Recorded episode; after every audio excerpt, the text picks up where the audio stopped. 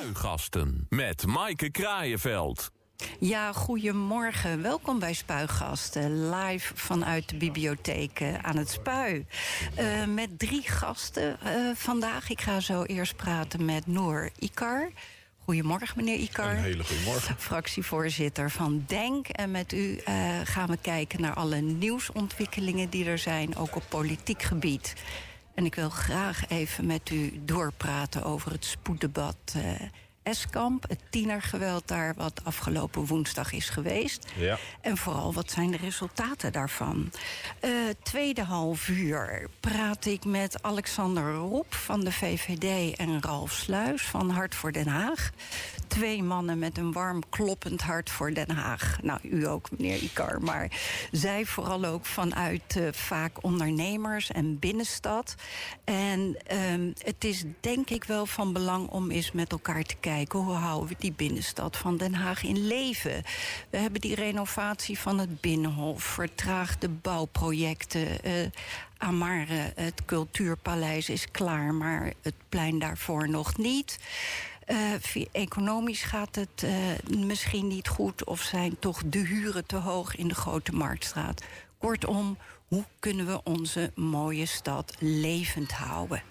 Maar ik ga eerst even graag terug naar u, meneer Ikar. Um, we hadden het er al over. Afgelopen woensdagavond was er een extra raadsvergadering aangevraagd door Hart voor Den Haag. En de aanleiding was het tienergeweld in Eskamp. Nog heel even terug voor degene van die denken: wat was het ook alweer? Vlak na kerst heeft daar nu blijkt een 13-jarige jongen verdacht daarvan een 15-jarige andere jongen zeer ernstig verwond met een mesaanval. Dat speelde zich af rond een buurtsuper. Die is nu ook door de burgemeester voor drie maanden gesloten. Dat zou een magneet zijn voor veel ellende. Kortom, opeens kwam Eskamp in het nieuws. Um, Telegraaf schreef zelfs over banlieues. Dat het een, uh, een, zo'n beruchte voorstad zou zijn die we kennen vanuit Parijs. Mensen die ontzettend bang zijn. En, maar elke aanleiding van tieners met messen is, uh, is natuurlijk heel verontrustend. Maar vond u de situatie in Eskamp ook een spoeddebat waard? Ja, kijk, dat is wel een beetje lastig, omdat. Uh, allereerst wil ik beginnen door de slachtoffers of de slachtoffer uh, spoedig herstel toe te wensen. Ja. Um, er gebeuren nou eenmaal dergelijke dingen in een stad als Den Haag. Ja. Het is voor mij een beetje een twijfelgeval of, dat iets, uh, of zoiets een spoeddebat waardig is. Ja. Uh, want we hebben, vandaag hadden we, had ik gelezen dat er een uh, steekpartij was in Moerwijk. Ja. dus dan zouden we kunnen stellen dat elk incident gevo gevolgd moet, opgevolgd moet worden door een spoeddebat. Maar goed, als er nu alweer zo'n steekpartij is, dan kan je je afvragen: zijn het incidenten? Dan Ja. is er natuurlijk wel structureel en, iets en mis. dan komen we dus echt op de inhoud. Ja. Uh, met betrekking tot Eskamp moeten we het niet gaan hebben over incidenten, maar over diepliggende problematiek. En dan moeten we kijken naar hoe Eskamp zich ontwikkeld heeft in de afgelopen 30 jaar. Maar is dat dan ook niet inderdaad het onderwerp wat uh, in dat spoeddebat aan de orde had Uiteinde, moeten uiteindelijk komen? wel, ja. Uiteindelijk hebben we het ook daarover gehad. En als je dan uh, kijkt naar Eskamp. Eskamp is een stadsdeel uh, waarbij de meeste bewoners eigenlijk tijdelijk verblijven als het ware. Ze komen, ze blijven er een jaar. Zodra ze een stabiel inkomen hebben, trekken ze weer weg. Waardoor je een situatie hebt uh, dat je een stadsdeel in Den Haag krijgt... waar weinig sociale cohesie is. Waar mensen niet naar elkaar omkijken. En waarbij je dus een situatie van onveiligheid eventueel kan krijgen. Niet de enige wijk in Den Haag waar het zo gaat, helaas. Nee, er zijn meer wijken, maar Eskamp is toch wel een bijzonder geval. Omdat uh, we, we hebben nu dus ook uh, programma Zuidwest... Uh, waarbij er miljoenen in, in dat deel van de stad geïnvesteerd gaat worden. Maar mijn punt is meer het, het, het, het focussen of het inzoomen op incidenten aan zich. Mm -hmm. Dat is niet de oplossing. We moeten kijken naar bredere pro uh, problematiek. We moeten kijken naar armoede. Uh, we moeten kijken naar uh, energiearmoede, woningnood, sociale voorzieningen, veiligheid, et cetera. Dus het bredere plaatje, dat is eigenlijk wel spoeddebatwaardig. Maar ja, op zo'n korte termijn dingen oplossen, dat is weer niet realistisch. Nee, want dat was een beetje. Ik heb het debat gevolgd, uiteraard. En dat was wel mijn indruk. Iedereen uh, betrok de eigen stellingen. Uh, de rechterflank, zeg maar, uh, binnen de gemeenteraad was voor hard optreden. Ik geloof dat de PVV zelfs een motie indiende om het leger in te zetten. De linkerflank die betrok de stelling, eigenlijk die u nu ook zegt, van joh, je moet naar een veel breder perspectief kijken. Um, en ook veel meer he, op, op sociale um, activiteiten inzetten.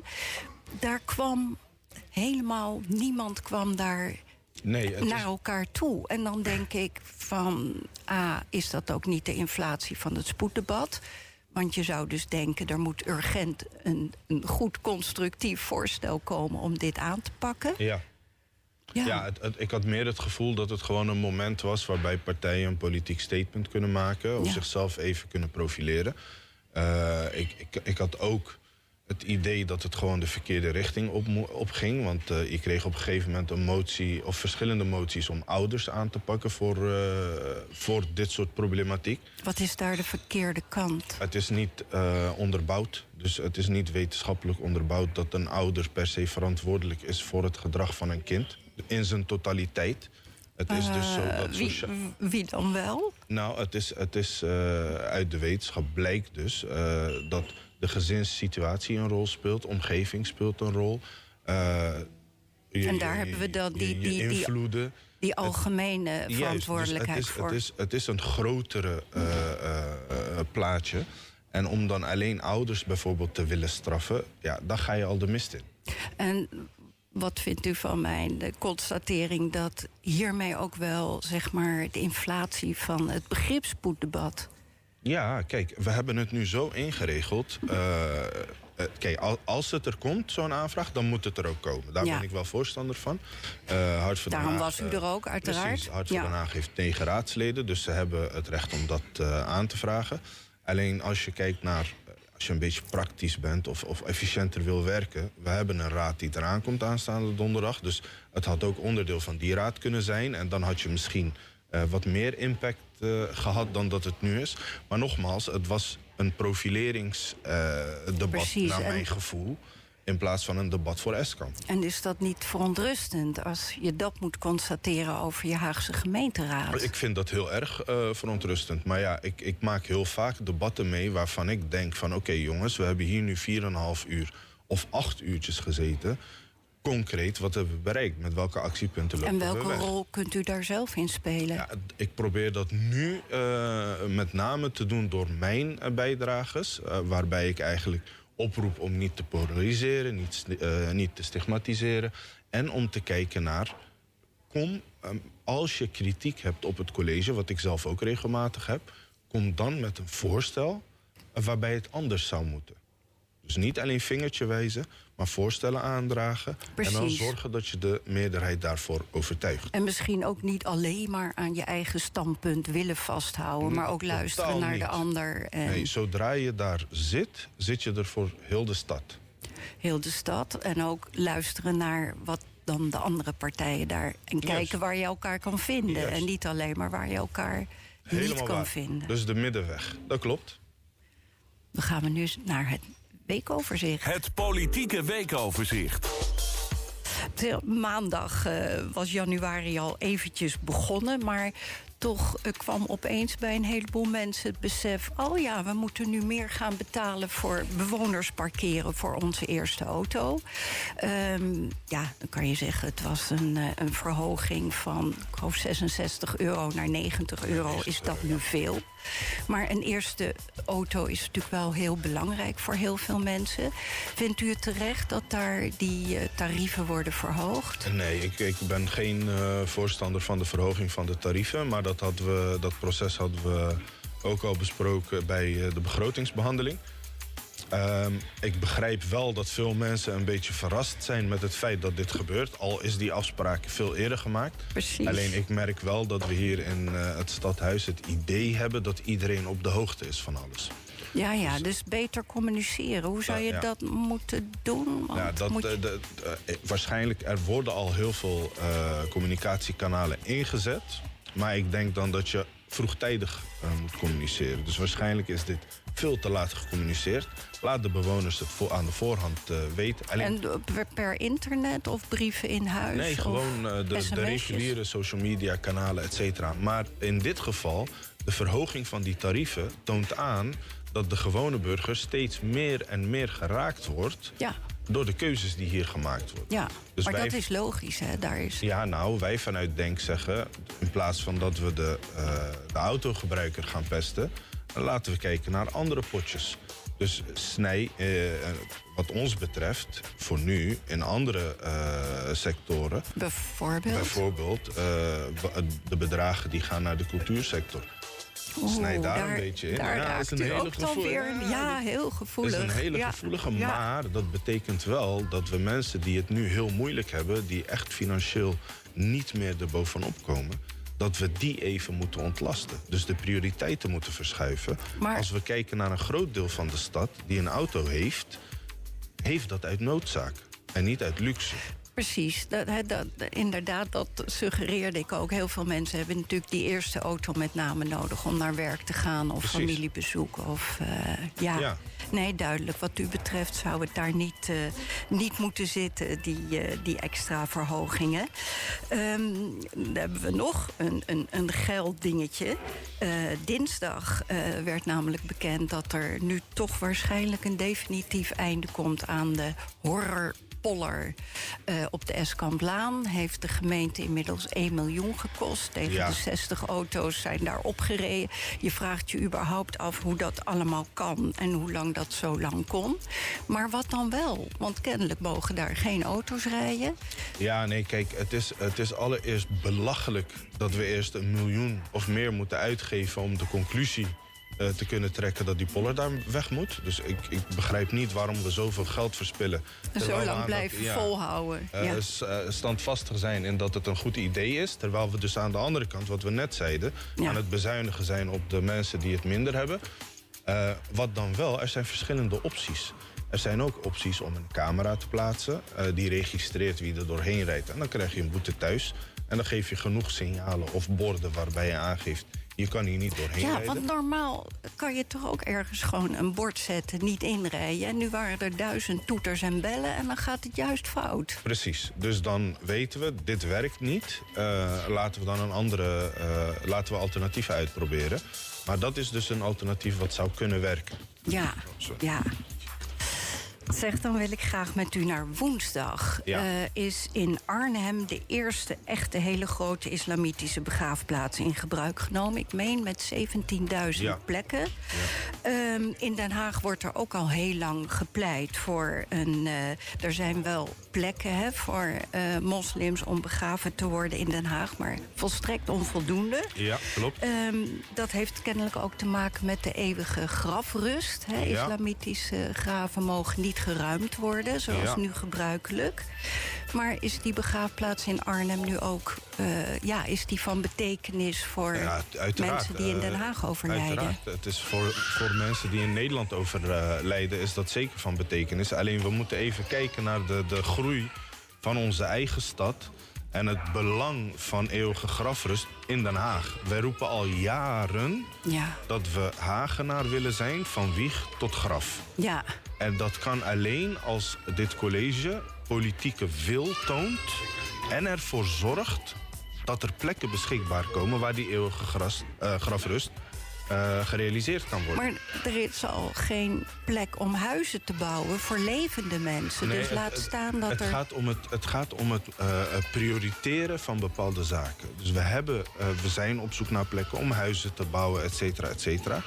Maar wij zeggen, de, de samenstelling van onze stad, de inwoners van onze stad, ja. vraagt ja. om het prioriteren van eeuwige grafrust. Ja. Omdat wij hier in Nederland willen begra uh, begraven willen worden. Want uh, als u daaraan denkt, hoe, hoe ziet u dat voor zich? Zouden zeg maar bestaande uh, begraafplaatsen in die zin veranderd kunnen worden? Zou er dan... Dat, dat zijn ook opties, ja. Uh, dus het, kijk, het, het, principe is eeuwige grafrust. Uh, we hebben volgens mij in Den Haag hebben we ook een Joodse begraafplaats. Ja. Die volgens dat principe is. Dus het kan wel. Ja. Alleen je hebt de politieke wil nodig om ervoor te zorgen dat de meer dan 80.000 Hagenaars die daar behoefte aan hebben, dat ook kunnen krijgen. Precies, en eigenlijk zegt u, je zou dat zelfs misschien ook kunnen verkrijgen door anders te kijken naar hoe begraafplaatsen nu werken. En, Precies. eh, dus je, je hoeft niet eens te denken, dan moeten we ergens enorm veel nee, we ruimte kunnen out of the creëren. box denken. We kunnen Ja. kijken wat is er nu beschikbaar. We kunnen ook kijken, oké, nieuwe ruimtes die we gaan inrichten. Laten we dit ook meenemen als een prioriteit. En dan heb je het probleem al getackeld. Alleen het probleem in Den Haag is dus dat er geen politieke wil is. Ja, ja. En hoe, hoe uitzicht die onwil? Het wordt niet gezien dat dat belangrijk wordt gevonden? Nou, het- we, we worden al jaren aan het lijntje gehouden. Ja. Dus het is al een onderwerp wat jarenlang terugkeert. En ik, ik ga ervan uit dat als ik bijvoorbeeld niet in de raad zou zitten... of een aantal andere mensen die zich hiervoor inzetten... Ja. dat het onderwerp gewoon doodbloedt... en dat er eh, verder niks mee gedaan wordt. ja. Dat is die politieke onwil. Want Ja. het had al lang al geregeld kunnen zijn. Ja, nou dan komen we eigenlijk al, maken we een klein bruggetje naar eh, de volgende dag, waarin Kim Putters, de voorzitter van de Sociaal, eh, Sociaal-Economische Raad en daarmee de invloedrijkste Nederlander van de bestuurlijke elite is, die. ehm, nou, die doet best een eh, gewaagde uitspraak in de Volkskrant. Die zegt, we zouden eigenlijk alle plekken van de macht die er nu zijn... is goed onder de loep moeten nemen om te kijken... of we nou toch wel echt met iedereen en elke doelgroep aan tafel zitten. Ehm, nou, de gemeenteraad waar u lid van bent... dat is het allerhoogste orgaan hè, in, Ja. in de stad... Ehm, u eh, mag bepalen waarover gepraat wordt en dingen voor elkaar ehm, eh, boksen. Als u daar zelf naar kijkt, naar die Haagse gemeenteraad, ziet u dan ook nog heel veel doelgroepen en mensen die nu niet meepraten? Ja, uiteraard. Dat was ook eh, de reden waarom ik zelf politiek actief werd. Ja, ja, ja. Ehm, er werd heel veel over bepaalde groepen gesproken in plaats van met ze gesproken. Dus ik zie nu wel een bepaalde shift van het diverser maken van de raad. Maar het lijkt mij interessanter dat de bestuurlijke laag ook wat diverser wordt. Ja. Eh, met, want dat is waar eh, de heer Putters dan ook eh, naar refereert. Dat je op een gegeven moment in bestuurlijke functies een bepaalde afspiegeling krijgt van de stad. Kijk, het is niet. We, we hebben geweldige wethouders, een geweldig college van BMW. Dat, eh, dat is gewoon zo. Ja. Alleen een betere afspiegeling van de stad zorgt ervoor dat je bepaalde problematiek, die je normaal gesproken eigenlijk niet aan tafel krijgt, dat die wel aan bod komt. Hoewel dat natuurlijk van onderuit die raad eh, wordt aangedragen. En, en dat is wat we nu proberen om vanuit de raad dan mee te geven. Is ja, kijk, wij zien de wereld of wij zien de stad met een andere bril. Ja. We spreken andere mensen en we zien andere problematiek. Doe hier wat mee. ja. Dus dat En- is onze bijdrage daarin. Ja, en dan net bij het andere onderwerp, dan blijkt dat soms nog wel eens heel moeilijk om dat dan toch voor elkaar te krijgen. Ja, soms is het dweilen met de kraan open. Want je ziet gewoon dat je continu eh, te maken hebt met een meerderheid die niet snapt. Of die, die die affiniteit niet heeft met waar we het over hebben. Ja, desondanks zegt u, we hebben een fantastisch college. Ja, dat eh, moet ik ze wel nageven. Ja, het is ja. een pittige klus. Eh, ze doen niet alles goed. En daar zijn wij voor dus. Dat Ja, we daar eh, ja. wat verbetervoorstellen in eh, hebben. Maar het eh aardige lui. Oké, aardige lui, oké. En de intentie, eh, beluister ik bij u, is, eh, is heel goed bij, die, bij dat college.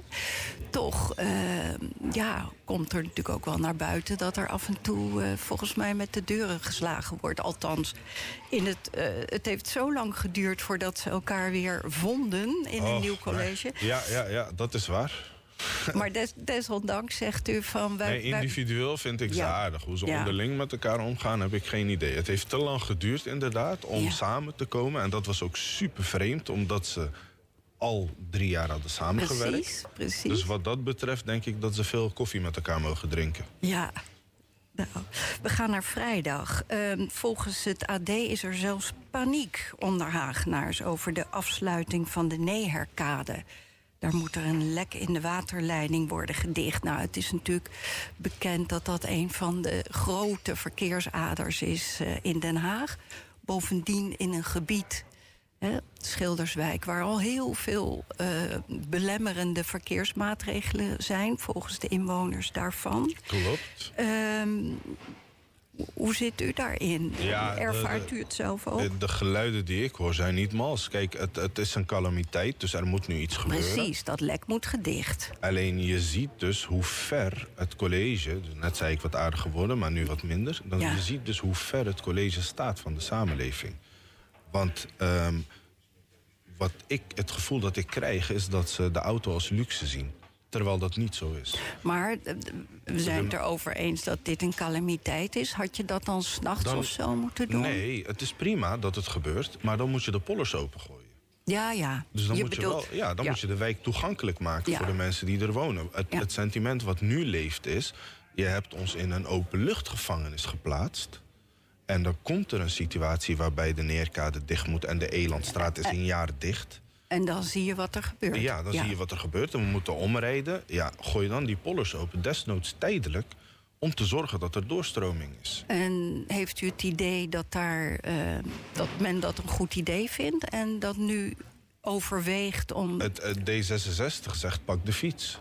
Het is, Ze staan te ver weg van de gewone Hagenaar om te begrijpen dat er mensen zijn die niet zomaar op de fiets kunnen stappen. Ja, ja. Uh, het is naar werk of Ja, het is een geweldig idee. Alleen de vraag of andere partijen inzien dat ze de Schilderswijk, Laak en Transvaal hiermee kapot maken door die polis niet omlaag te doen, dat moet nog blijken. Ja, en want u zou misschien ook hopen, als dat nu in deze calamiteitensituatie gebeurt, dat men misschien ook in zou zien dat als dat lek is gedicht, misschien zijn er toch voor de langere termijn Ja, nee, wij hebben voor de langere termijn hebben we ook ideeën. Dat je bewoners op zijn minst toegang geeft tot hun eigen wijk. Ja. Uh, we hebben daar talloze ideeën over. Alleen er wordt vastgeklampt aan uh, de pollers alsof het heilig goed is.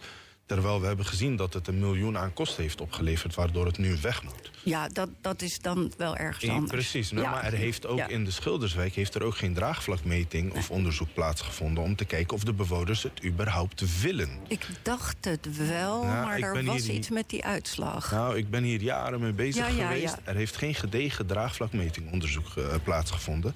We dienden een motie daarvoor in, werd niet aangenomen. Dus zo zien we dus dat bepaalde wijken nog steeds niet serieus genomen worden. Nee, en daar bent u voor. Daar ben ik voor, ja. Precies. Nou, over andere wijken gaat, uh, gaat het volgende nieuws... dat vandaag uh, nog weer even aandacht kreeg in uh, eh, AD Den Haag. Hm? De oneenigheid binnen de coalitie of de milieuzone moet worden uitgebreid. Helemaal langs de kust.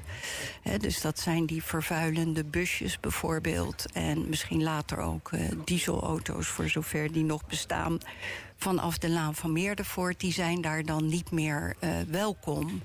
Um, nou zeggen de partijen die daarvoor zijn... nou, hartstikke fijn en uh, de bijvangst is heel belangrijk...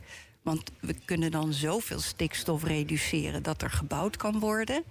Andere partijen zeggen weer van ja, maar je kan niet zomaar alles afsluiten. Hoe kunnen ondernemers daar dan nog ondernemer zijn als ze niet bevoorraad kunnen worden door bussen? Hoe, hoe staat u daarin? Ja, kijk, dit, um, dit is eigenlijk voor mij is dit een bredere uh, probleem in Den Haag waarbij participatie uh, een containerbegrip is geworden wat gewoon gebruikt wordt en niet echt toegepast wordt. Je kan niet dit soort maatregelen doordrukken zonder te kijken naar de behoeften van de ondernemers, de behoeften van de bewoners en daar een middenweg in te vinden. Maar doordrukken, het is toch gewoon een raadsbesluit. U, u, u praat daar toch met elkaar over en uiteindelijk komt daar een besluit uit. Ja, nee, maar uh, ik heb ook gemerkt dat in het verleden uh, er besluiten komen omdat coalitiepartijen erover eens zijn, maar de oppositie weer niet. Dus wat dat betreft is, is het niet de meerderheid beslist? Precies, maar het is niet gelijk uh, goed voor een bepaalde groep. Dus bijvoorbeeld de ondernemers. Mijn voorstel zou zijn dat je kijkt naar... oké, hoe kunnen we de ondernemers wel bevoorraden... of dat we ze tegemoet kunnen komen op een bepaalde manier... Ja om uiteindelijk wel door te gaan. Want uiteindelijk moeten we wel bouwen. Dus het is niet zo. Het is, het is en-en. En niet een keuze maken tussen het een en een ander. Want, want zou dan inderdaad de stikstofreductie, die natuurlijk goed is voor de natuur. En dan die bijvangst dat er gebouwd kan worden. Bij wat zou u dan het argument het belangrijkst vinden? Die natuur of dat er gebouwd kan worden? Kijk, ik ben sowieso. Ik, ik, ik heb uh, jaren in de duurzaamheidssector uh, gezeten. Ja. Uh, dus ik ben iemand van de natuur.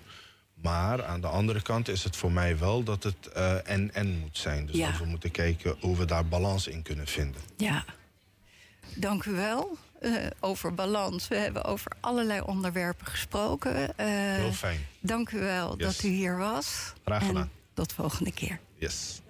Ralf Sluis, Hart voor Den Haag, goedemorgen. Goedemorgen. En Alexander Roep van de VVD, ook goedemorgen. Goedemorgen. Praten of de binnenstad van Den Haag toch niet naar de maan gaat. Want er zijn nogal dingen zijn hier aan de hand. De renovatie van het Binnenhof, eh, bouwprojecten die vertragen... het Cultuurpaleis Amare is klaar, maar het plein daarvoor ook nog niet aantrekkelijk moeten nou wel of niet die fietsers door de Grote Marktstraat zijn... en de hoge huren die ondernemers eh, in de stad betalen.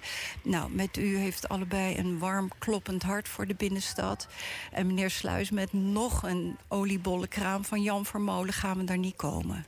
Nee, daar gaan we er niet komen inderdaad. Want oliebollen, ja, die zijn wel lekker het hele jaar. Maar eh, ja, wij zouden natuurlijk het liefst ook gewoon eh, de kiosken terugzien in de Grote Marktstraat. Precies. En eh, dat weten we allemaal nog wel van vroeger. Dat je, nou ja, groenten, fruiten, bloemen. Ja, dat is natuurlijk hartstikke leuk. En geeft echt wel de levendigheid aan de Grote Marktstraat terug. Iedere zelf respecterende stad ter wereld heeft kiosken. Dus dat moet Haag gewoon weer terughalen. Precies, dat zou een klein onderdeeltje kunnen zijn, Ja. denk ik, van toch wel een wat grotere visie die nodig is hoe het met de binnenstad moet.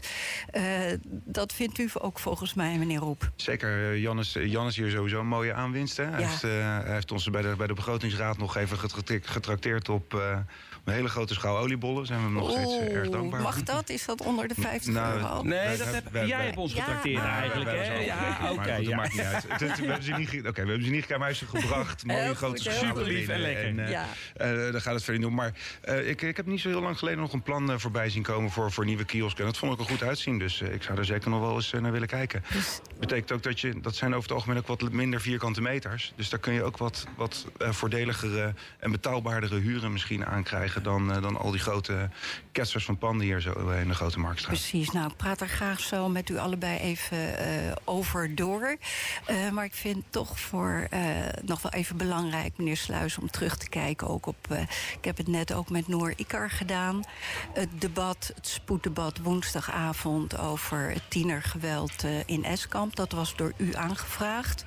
Er waren in totaal, meen ik, twintig moties, waarvan er twee of drie zijn aangenomen mijn idee was ook, iedereen betrok zijn stelling. Eh, meneer Ikar had het erover. ehm, nou ja, dat iedereen eigenlijk zijn eigen partijprogramma eh, voorlas. En, en dat er weinig mogelijkheid was om met elkaar...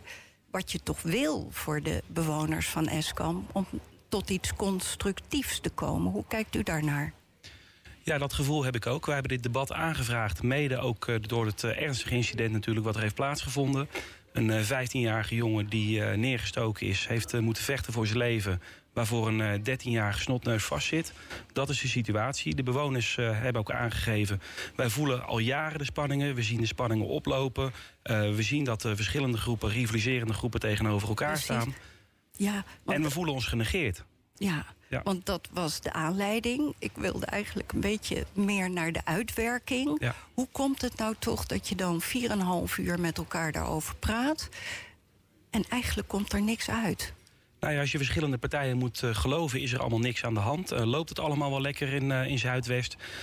Gaan er. Er werd wel echt benadrukt dat het meer op de, de sociale activiteiten... eh, dat daar naar gekeken zou moeten worden. ja, en ook op de sociale activiteiten hebben wij de afgelopen jaren diverse plannen ingediend. Wij hebben een initiatiefvoorstel ingediend. eh hoop, en optimisten, eh, hoop optimisme voor Zuidwest. Nou, daar staan 32 concrete voorstellen in. Ook om wat betreft de sociale aspecten te benadrukken en te verbeteren. Nou ja, die is, eh, die is weggestemd. Dus we zijn continu ook bezig met het sociale aspect. Maar wat bij ons betreft zijn we ook gewoon wel heel erg repressief in gewoon het uit de zakken kloppen van die messen en die wapens bij de jongeren. En daar hebben wij een hele harde en rechtlijnige eh, ja, lijn in. Precies, precies. Dat, dat, dat was ook uw inzet. Maar ik wil nog even terug naar, naar dat functioneren van die gemeenteraad. Want we zijn het er allemaal over eens dat dat dus een heel ernstige situatie is, heel onwenselijk. En toch komen dan al die partijen er niet met elkaar uit. Luistert u niet genoeg naar elkaar? Of is er te weinig bereidheid om, ehm, om tot, tot, tot iets te komen? Nou ja, die bereidheid uh, die is er wat ons betreft zeker. We staan daar met uh, elf concrete voorstellen. We komen met elf moties met concrete ideeën... ook om de scholen erbij te betrekken... om een actieprogramma te starten. Wordt uh, al gedaan, wordt al gezegd. Ja, alles wordt al gedaan. Maar vervolgens is de ene steekpartij volgt de andere op. Dus ik kan nou niet echt zeggen dat het heel erg lekker loopt. En als al die partijen die dan zeggen... ja, we moeten wat meer op het sociale aspect zitten... ze missen een jeugdhonk. Ja, ik heb ook wel eens een jeugdhonk gemist in mijn leven... en het heeft er niet in geresulteerd dat ik met een mes naar school ging. Meneer Roep, hoe, hoe, zat u in dit debat? Nou ja, sowieso ben ik geen woordvoerder op dit, op dit nee, onderwerp. Hè, en maar ook niet, niet heel vooral, erg ingelezen in de materie. Ik vond het ook een dus- nogal narrig sfeer, lijkt het, in die raad. Ja, er waren ook een hoop, uh, hoop collega's uh, uh, wat zagrijnig vanwege het feit dat ze überhaupt op moesten komen draven. Hè? Ja. dat dat weer als een extra raad bijeengeroepen werd. Daar kun je van alles van vinden. Aan de andere kant, Hart voor Den Haag heeft negen zetels... en dan hebben ze het volste recht om dat te doen. En dit is, vind en een ik, vinden wij onderwerp. ook echt wel Ja. een heel erg belangrijk onderwerp. Ja. We moeten het niet voor iedere... eh, sorry voor mijn Haags, maar scheet die dwars zit, eh, de boel bij elkaar roepen. Maar hier eh, eh, eh, stonden wij ook wel achter. En je moet daar gewoon in gaan grijpen. Ja. Dat is een feit. En overigens, eh, alle steun voor de burgemeester die eh, een eh, samenscholingsverbod heeft afgekondigd. Die echt gewoon snel gehandeld heeft. En die lijn van de burgemeester steunen we. En we willen wat dat betreft hem ook wat meer middelen nog geven om ook ja, die harde lijn die hij heeft verder uit te kunnen breiden. Dus complimenten Precies, want- voor hoe hij dat gedaan heeft. Want daar was de meerderheid het ook over eens. Hè? Dat, dat, ja. eh, dat het ook goed is dat Ja. die buurtsuper nou voorlopig dicht is. Ja. En, eh, Klopt. Zeker. Goed, nou, tot zover even Eskamp. En dan verplaatsen we ons naar de binnenstad, waar, waar we hier ook zijn. Als we naar buiten kijken, ja, het is ook nu ook wel een hele sombere dag... met eh, donker, regen, eh, glimmende zwarte steentjes eh, Ja. door de regen. Ehm, volgens mij zijn wij het er alle drie wel over eens... dat er wel iets moet gebeuren met die binnenstad. Hè, gezien ook de komende jaren wat hier bezig is met die renovatie van het Binnenhof. Meneer Roep, mag ik nu even met u beginnen? Wat, wat is uw bredere visie op hoe we Den Haag weer aantrekkelijk gaan maken? Nee, het is sowieso eh, beginnen met de basis op orde. Hè? Dus eh, eh, schoon, heel veilig. Dat is, dat is denk ik deel 1. En, Want is het dat nu niet?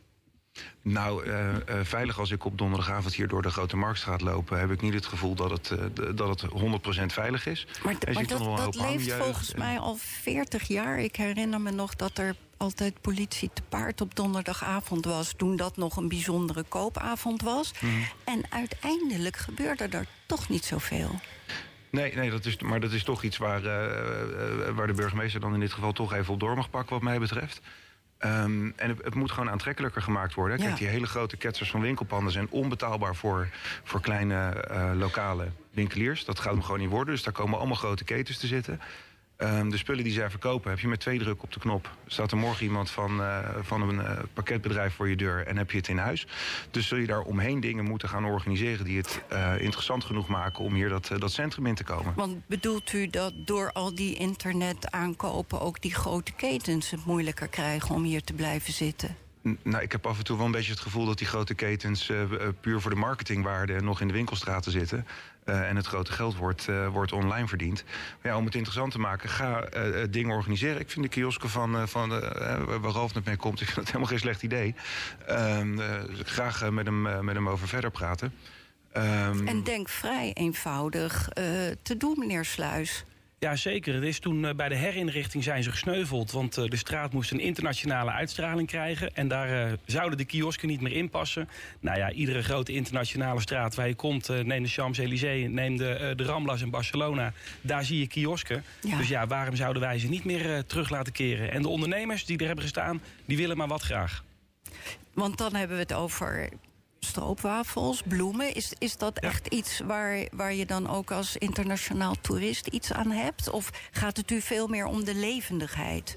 Nou, de stroopwafels zijn misschien wel een van de grootste exportproducten die we Dat is hebben. Dus, eh, waar. er zijn mensen die zijn eh, buitenland eh, stroopwafels gaan verkopen en miljonair geworden. Dus dat is iets wat er bij iedereen ingaat.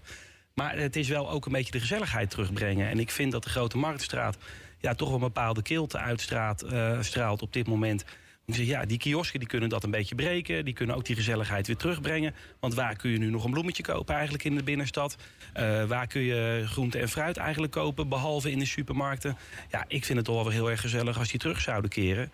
En uh, er zijn ook hele mooie, uh, mooie alternatieven voor. Je ziet bijvoorbeeld in de Varenheidstraat prachtige kiosken. Dus ja, niet meer de, de hokjes van vroeger... maar echt wel hele mooie uitstraling hebben de kiosken... Ja, die die straat echt gaan verlevendigen. Maar dan zijn we er natuurlijk nog niet. Er moet wel meer gebeuren. Precies. En wat zou er meer moeten gebeuren, meneer Roep? Nou ja, je, je, je, moet er denk ik een beetje creatief in zijn. Hè? Je moet, uh, wat, ik denk dat we publiekstrekkers uh, uh, naar die stad moeten halen. Het, het verschijnen van de Lego-winkel natuurlijk in de, hier in het centrum. ja, dat, zijn, zijn dat echt echt winkels en... en... Een particuliere opvatting voor mij sowieso. Ja, ja, ja. Uh, Zit uh, trouwens ook in de Mall of the Netherlands. Hè? Daar komen we zo denk ik nog even op. Als grote goed, concurrent. Zeker, maar uh, zo'n arcade die we op de, op de grote markt hebben... Hè, daar komt toch ook wel een beetje publiek op af.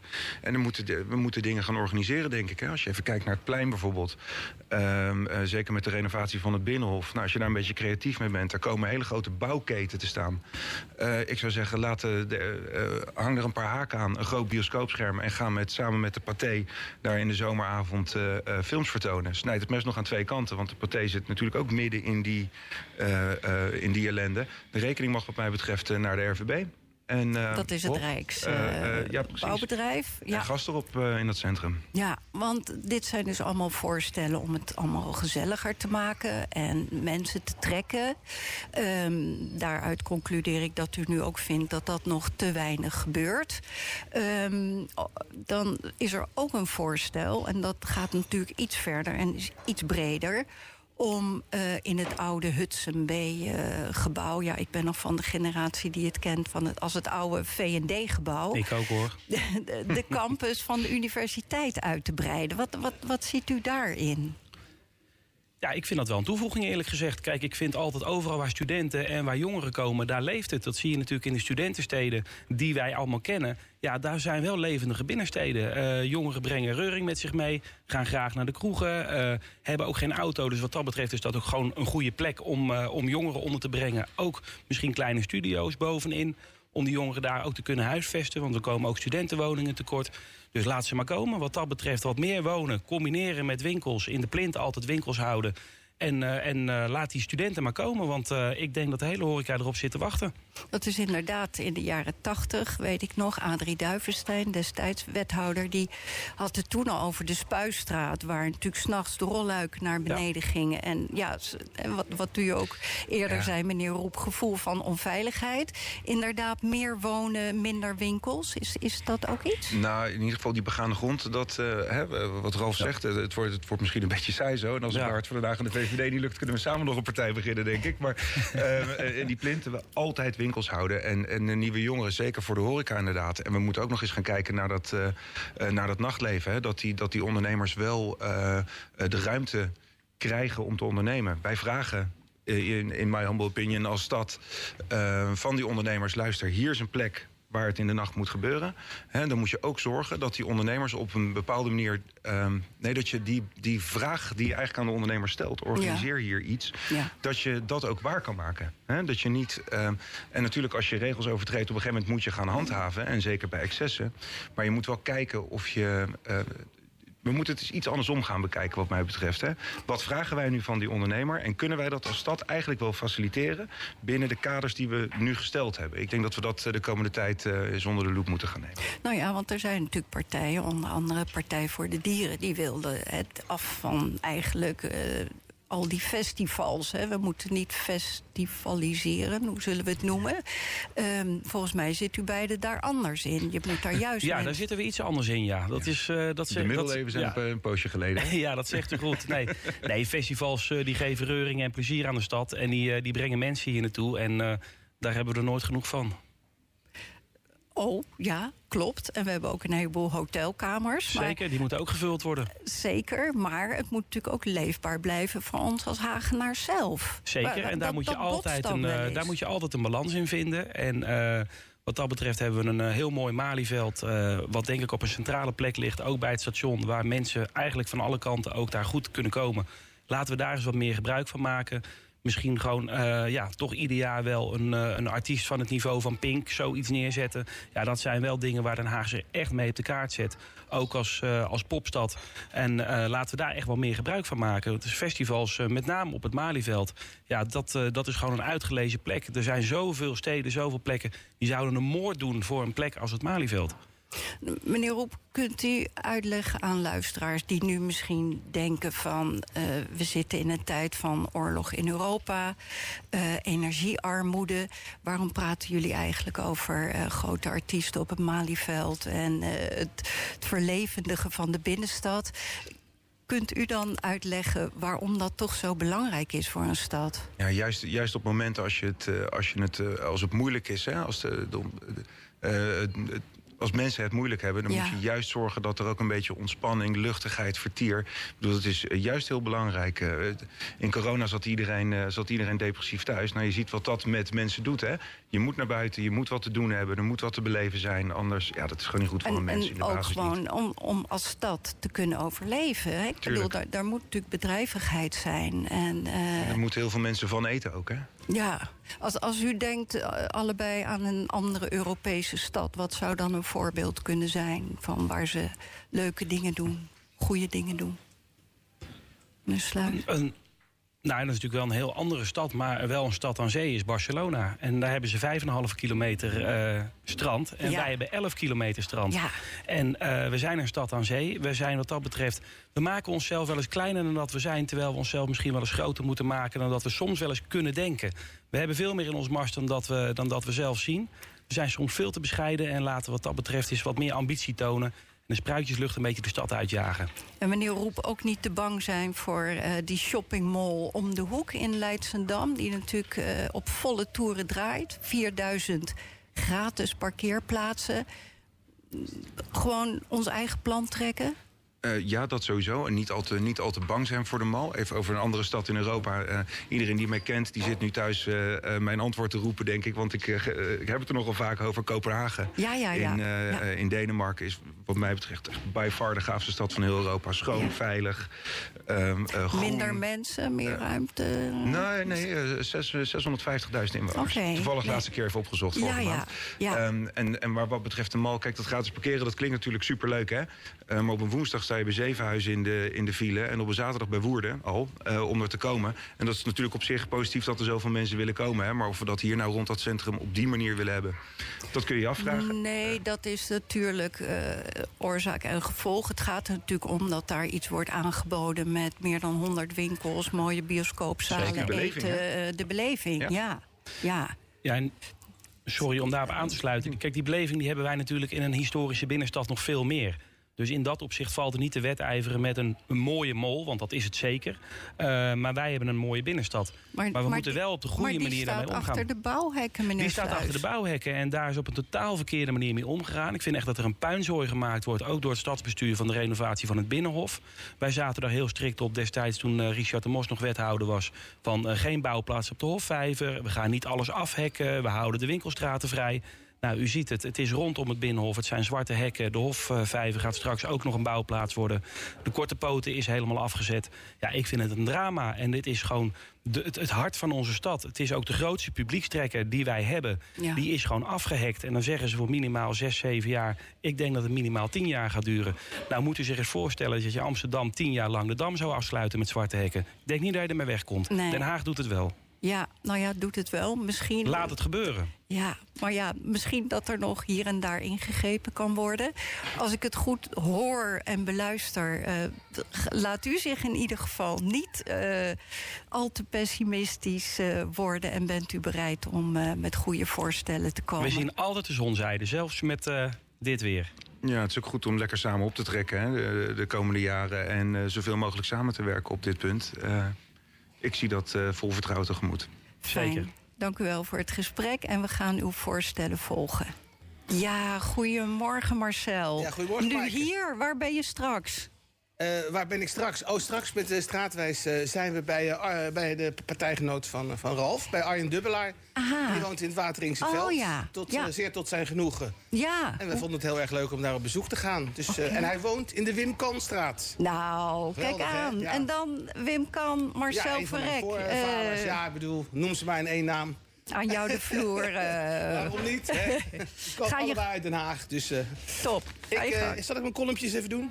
Heel graag, Oh, Marcel. Stadgenoten, uiteraard was ik de afgelopen week een van de 167.000 kijkers naar Napels aan de Noordzee. De, de televisiedocumentaire over Hart voor Den Haag. De Vrije Jongensclub van Richard de Mos. Met onder andere ook prominent in beeld Ralf Sluis, uiteraard. Toch? Was je niet in beeld? Ja, zeker wel. Vier verschillende kapsels. Eh, Ja, met vier verschillende kasten. Oh, je hebt ze geteld. nou, dat, die kijkers dat zullen er zeker meer worden... want deze openhartige inkijk in de boezem van de grootste partij van onze stad... is zeer de moeite waard van het terugkijken. Ik heb ook behoorlijk vaak zitten lachen. Om te beginnen om de titel Napels aan de Noordzee. Het zal voor het OM nog een harde dobber worden... om zeg maar de Mossia als de maffia te ontmaskeren. Het lijkt me voor een officier van justitie sowieso geen zaak... eh, om een harde dopper van te krijgen. Maar goed, laten we zien wat ze allemaal boven water hebben weten te halen. Napels aan de Noordzee. Het klinkt ironisch, maar klimatologisch gaan we zeker die kant op. Deze betiteling is blijkbaar doorgecijpeld naar het dierenrijk. Vandaar dat de eerste bultruggen zich al voor de kust hebben gemeld. En zelfs ook al boze boa's. Onze Napolitaanse kust, waar nog één detail moet worden bijgesteld... om helemaal op de Italiaanse evenknie te lijken. Deze zomer werd er, werden er in Scheveningen eh, 3000 wielklemmen geplaatst. Dat is een mooi resultaat, maar ik denk dat het in Zuid-Italië toch iets anders gaat. Daar worden al dan niet verkeerd geparkeerde auto's gewoon gestolen. En de wielklemmen ook. Als je de verhalen mag geloven. En dat doen we graag, want de mens wordt altijd verleid door mooie verhalen. De vraag is nu, moeten we de verhalen van Richard of die van het OM geloven? Tot nu toe zijn de verhalen van Richard en zijn maten over het algemeen een stuk leuker. Niet raar dat ik na afloop van de documentaire naar YouTube werd gedreven... om de avonturen van Jacobs en Van Es nog eens te hergenieten. Alsof er inmiddels geen 40 jaar verstreken zijn. De Haagse directheid, de humor. Hier was het Simplistisch Verbond 2.0 aan de slag. Moderne Robin Hoeden, zo betitelden de mannen van de tegenpartij zich ooit. En die trekken herken je ook in de ombudspolitiek van Hart voor Den Haag. Daarbij wordt anders dan in andere politieke geledingen... zeker niet met meel in de mond gepraat. Tenzij dat meel gebakken is tot een pita... met een lekkere kwak shawarma, kaas en natuurlijk uiensaus ertussen. Bakje extra. Wat? Zo zien we in de film. Daar genieten de mannen van, na gedane zaken, op hun vaste adresje. Een prachtig Haags codewoord trouwens. Wil je bij de club horen, spreek het er goed uit. Uiensaus. Ja jongens, allemaal? Uiensaus. Napels aan de Noordzee. Laat ik dan de Vesuvius zijn... opdat door de lava van mijn woordenstroom... Den Haag in zijn huidige staat wordt gefixeerd. Zoals ooit Pompeii werd bedolven en geconserveerd. En zoals ooit onze grootmeesters Kees van Koten en Wim de Bie... vele diepe Haagse oergedachten wisten vast te leggen. Napels aan de Noordzee, waar inmiddels de huizenprijzen ook weer aan het dalen zijn. Ter compensatie stijgen de energieprijzen dan weer. Trouwens, over Pompeii gesproken. Het zeeheldenkwartier begint daar steeds meer op te lijken. Nu deze voorheen levendige buurt met veel winkeltjes... door allerhande infrastructurele projecten... steeds meer van de buitenwereld wordt afgesloten. Overleeft de middenstand al daar deze Ipenburgisering? Dan ziet de binnenstad van het echte Napels er toch heel anders uit. Die is trouwens zo ingewikkeld qua straatjes, stegen en sloppen... dat de onmachtige autoriteiten al jaren proberen alles goed in kaart te brengen. Ik ben benieuwd of de plattegrond van de contacten van Ricardo Del Mos eenvoudiger is. Napels aan de Noordzee. Een fraai fragment is de herintreding van de Mos op het voetbalveld. Bij de eerste beste aanval raakt hij geblesseerd en moet het veld uit. De parabel, de parallel met zijn wethouderschap ligt voor de hand. Dan hebben we trouwens aan zijn bewegingen al wel kunnen zien... dat hij zelfs voor ADO geen versterking zou betekenen. Daar zat Richard op de bank, maar uiteraard niet voor lang. Want er was nog genoeg te doen in de stad van, stad van zijn hart. En laten we eerlijk zijn, blessures kunnen genezen... schorsingen kunnen worden ingetrokken... en zelfs in de stad van de voetbalvereniging Alles door Oefening... is geen enkele comeback uitgesloten. En daar hoop ik eigenlijk stiekem op. Want Napels aan de Noordzee klinkt leuk en exotisch... maar ik heb er gewoon liever mijn eigen De Haag... met een hoop uiensaus. Hou je Haags, geniet van het goede. Tot snel en veel uiensaus. Dank je wel, Marcel. Dank je wel voor jouw mooie woorden. Eh, dit was alweer eh Spuigasten voor deze week. Heel graag horen we u, zien we u, luistert u volgende week weer. Spuigasten live vanuit de bibliotheek. Tot volgende week.